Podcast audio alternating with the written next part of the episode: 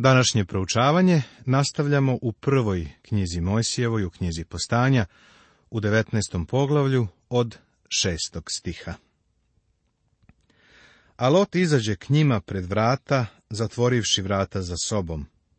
I reče im, nemojte, braćo, činiti zla. Ljudi iz Sodoma bili su napolju ispred vrata i tražili su da im se gosti iz Lotovog doma predaju. Lot im je rekao, Nemojte, braćo, činiti zla. Ovako je Lot gledao na to, a bio je u Sodomu već dosta dugo. Za njega to nije bio novi moral, nego jednostavno stari greh. Evo, imam dve kćeri koje još ne poznaše čoveka. Njih ću vam izvesti, pa činite s njima što vam je volja. Samo ne dirajte u one ljude, jer su zato ušli pod moj krov. Kad bi čovjek u to vrijeme primio gosta, bio je za njega odgovoran. Lot je bio spreman da podnese ovakvu žrtvu da bi zaštitio svoje goste. A oni mu rekoše, hodi amo. Pa onda rekoše, ova je sam došao amo da živi, kao došljak, pa još hoće da nam sudi. Sad ćemo tebi učiniti gore nego njima. Pa navališe jako na čoveka na lota i stadoše istavljati vrata, ova je sam došao vamo da živi kao došljak. Vidiš, Lot je napredovao u oblasti politike. Hoće da nam sudi. A ona dva čoveka digoše ruke, uvukoše Lota k sebi u kuću i zatvoriše vrata.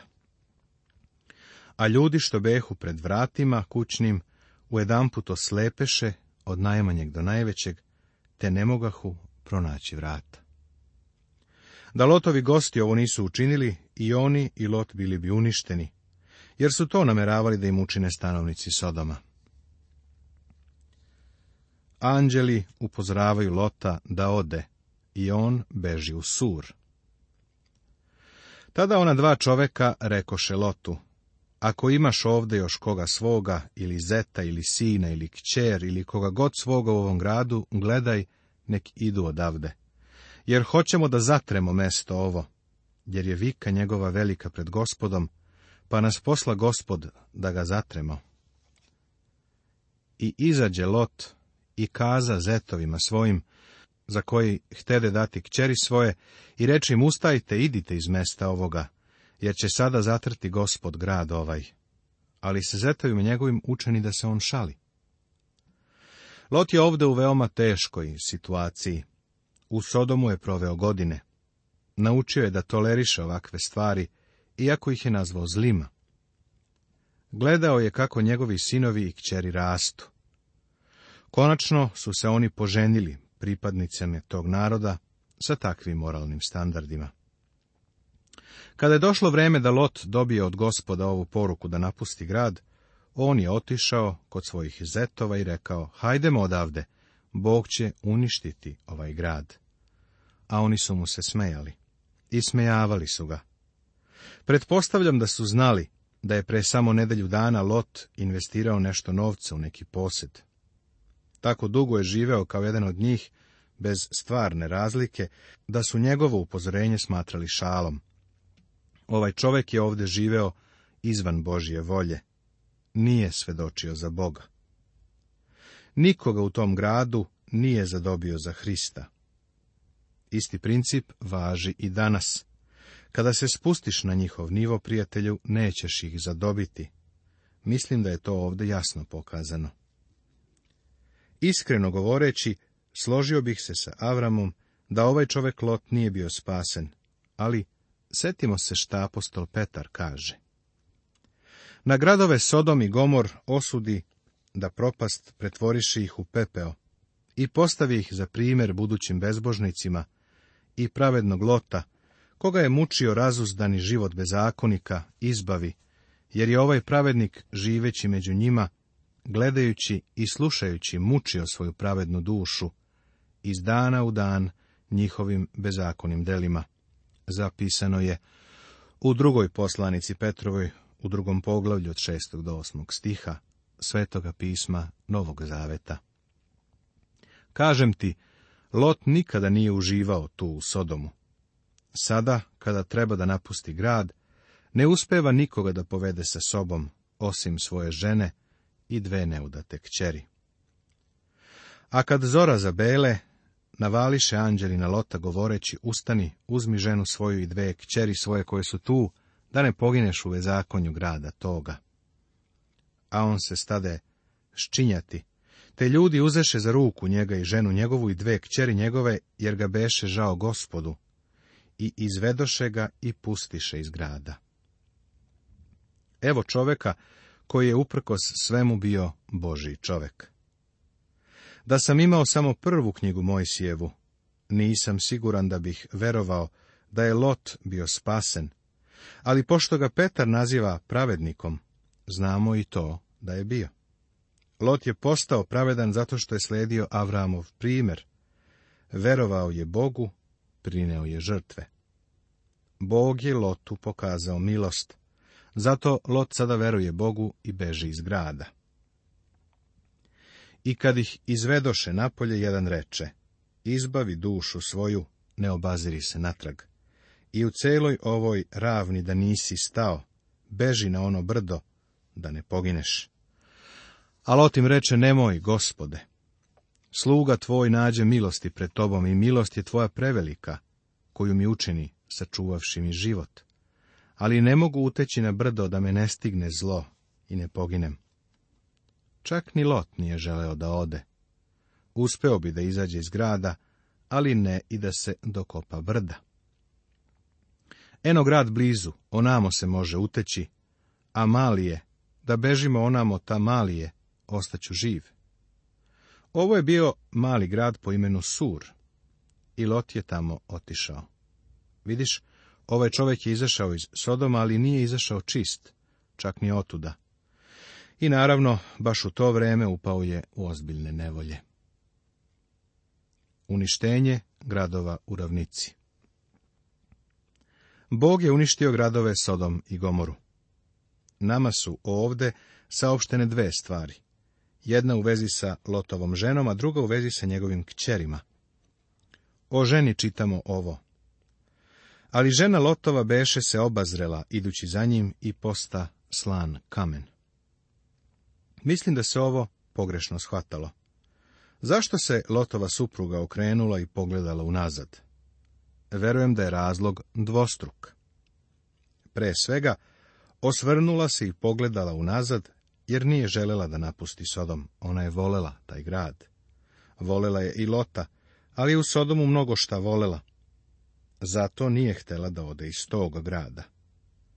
Bila je član takozvanog zavičajnog kluba, kluba prijatelja Šekspira i još nečeg. U stvari, u gradu tada nije postao klub čiji član ona nije bila. Ona je tako volela mala popodnevna okupljanja. Nisam baš siguran ali možda su se okupljali i proučavali religiju u prijatnom klubu za religiju. Ona je prijatelju u sve to bila sasvim uključena i nije želela da sve to ostavi. Njeno srce bilo je u Sodomu. Njeno telo je odlazilo, ali je u Sodomu ostavila svoje srce. Ovo je za nas danas izvanredna lekcija. Čujem kako mnogi hrišćani danas govore da žele da gospod dođe, ali ne žive kako bi trebalo. Nedeljom ujutro teško ih je isterati iz njihovih lepih kuća. U nedelju uveče neće da napuste svoje lepe kuće, jer vole televiziju. Imaju televizor u boji, pa će gledati nedeljne programe, jer se tada daju neki dobri od njih. Ali prijatelju, kada dođe gospod, ostavit ćeš televiziju, ostavit ćeš svoj lepi dom, ostavit ćeš sve. Želim da ti postavim jedno pitanje. Da li će ti se srce slomiti? Što sve to ovdje ostavljaš? Ovo pitanje sam sebi postavljao mnogo puta. Da budem iskren, ne žuri mi se da odem. Voleo bih da ostanem. Ovde imam prijatelje, ljude koje volim, se, kojima želim da budem. Imam i ovu moju radio službu koju želim i dalje da radim. Biću iskren.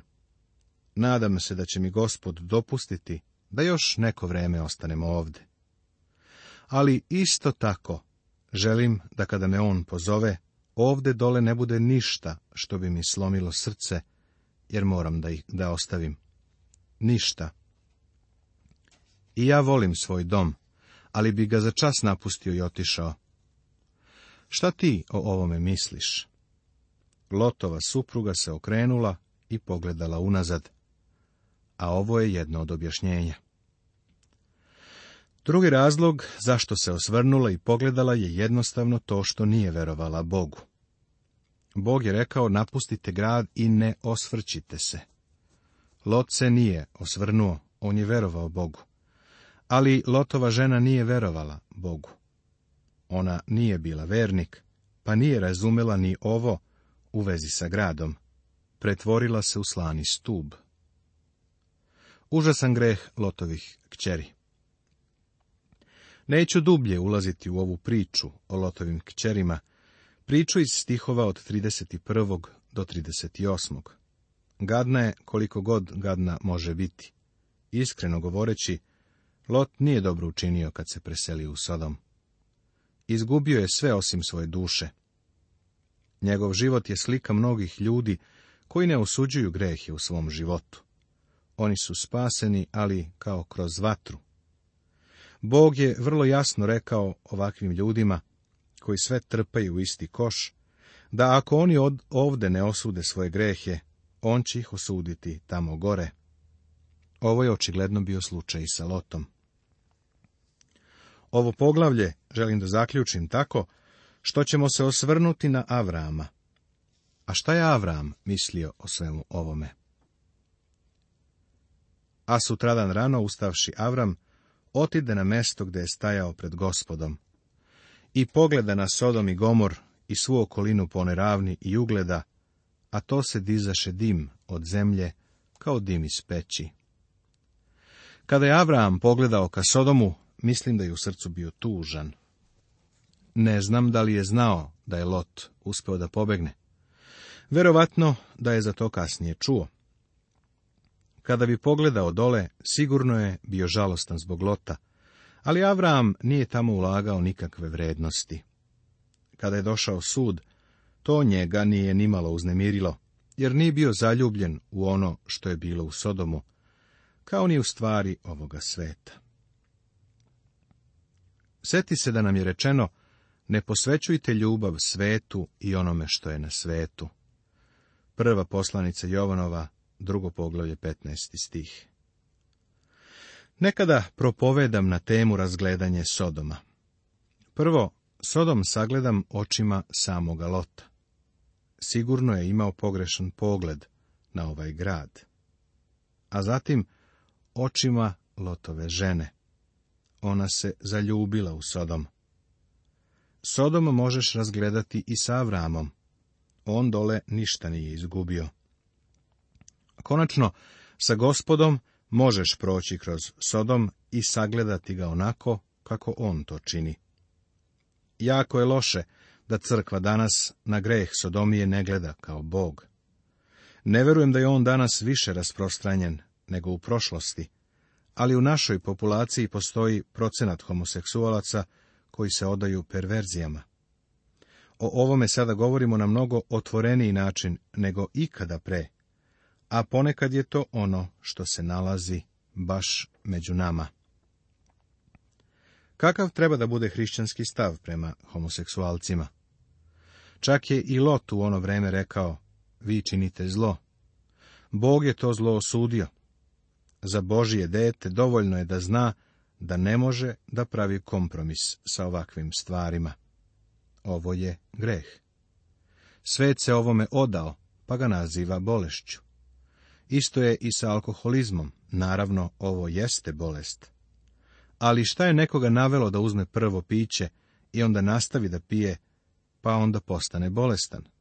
Greh je to učinio, prijatelju. Greh je problem, a homoseksualnost je greh.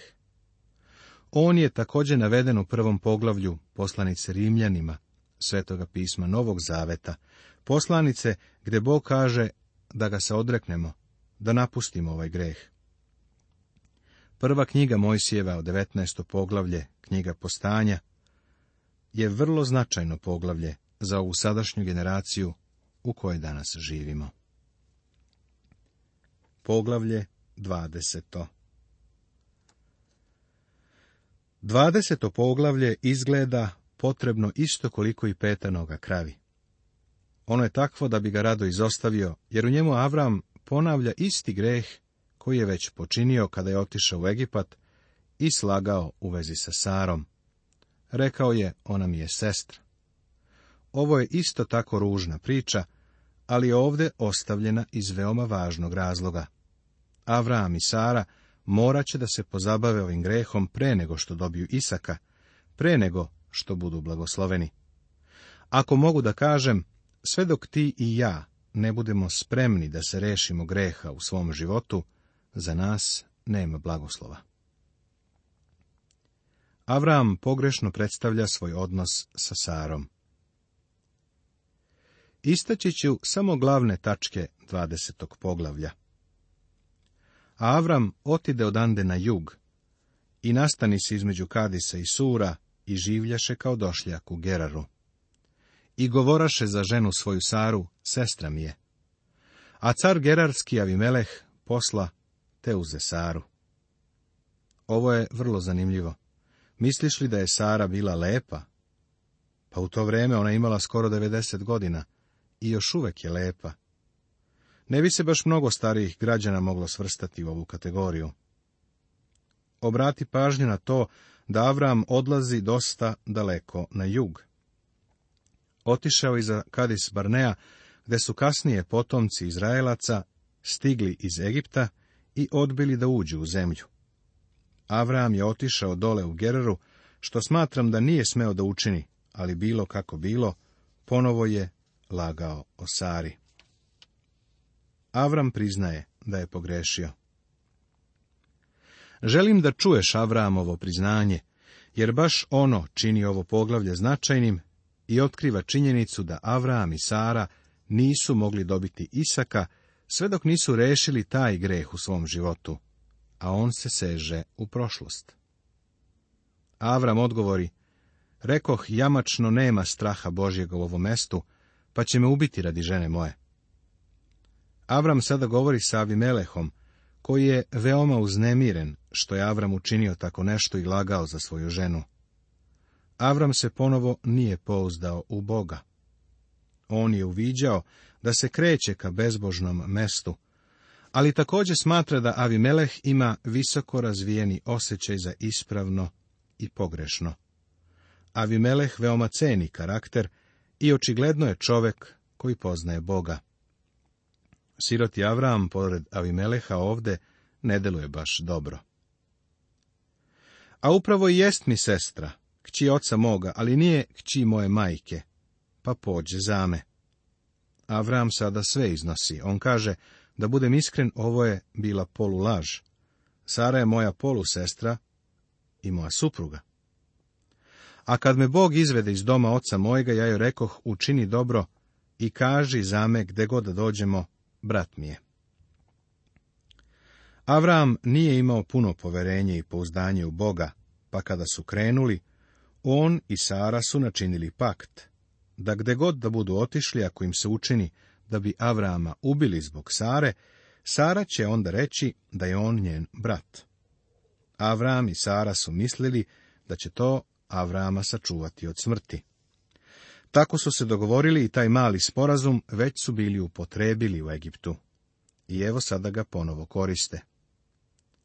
Sa grehom se mora rešiti, pre nego što Bog čuje i usliši Avramovu molitvu, i podari mu sina. Isak se neće roditi, sve dok ovo ne budu rešili. Koliko ima hrišćana koji ne osuđuju greh u svom životu, a kao posljedica toga nema blagoslova u njihovom životu. Ako bi ljudi koji su na vodećim pozicijama u našim evanđelskim crkvama priznali sve svoje grehe i rešili ih se, iskreno verujem da bismo imali probuđenje ne verujem da će biti ikakvog blagoslova, sve dok se ozbiljno ne pozabave grehom. Slušaj šta o tome kaže apostol Pavle u prvoj poslanici Korinčanima. Čovek neka ispituje samoga sebe. I tako neka jede od hleba i neka pije iz čaše, jer ko jede i pije, a ne pravi razliku između tela gospodnjeg i drugog jela, sebi na sud jede i pije. Zbog toga su mnogi slabi i bolesni među vama, a dosta ih je i umrlo. Kad bismo sami sebi sudili, ne bi nam se sudilo, a gospod sudeći kara nas, da ne budemo osuđeni sa svetom. Prva poslanica Korinčanima 11. poglavlje Svetoga pisma Novog Zaveta. Blagoslov je zadržavan i uskraćen crkvi, kao i životima mnogih vernika – jer mi nećemo da se bavimo grehom u svom životu. Ovo je velika duhovna istina koju pronalazimo ovde u 20. poglavlju prve knjige Mojsijeve, knjige postanja, svetoga pisma, starog zaveta. Nastavit će se.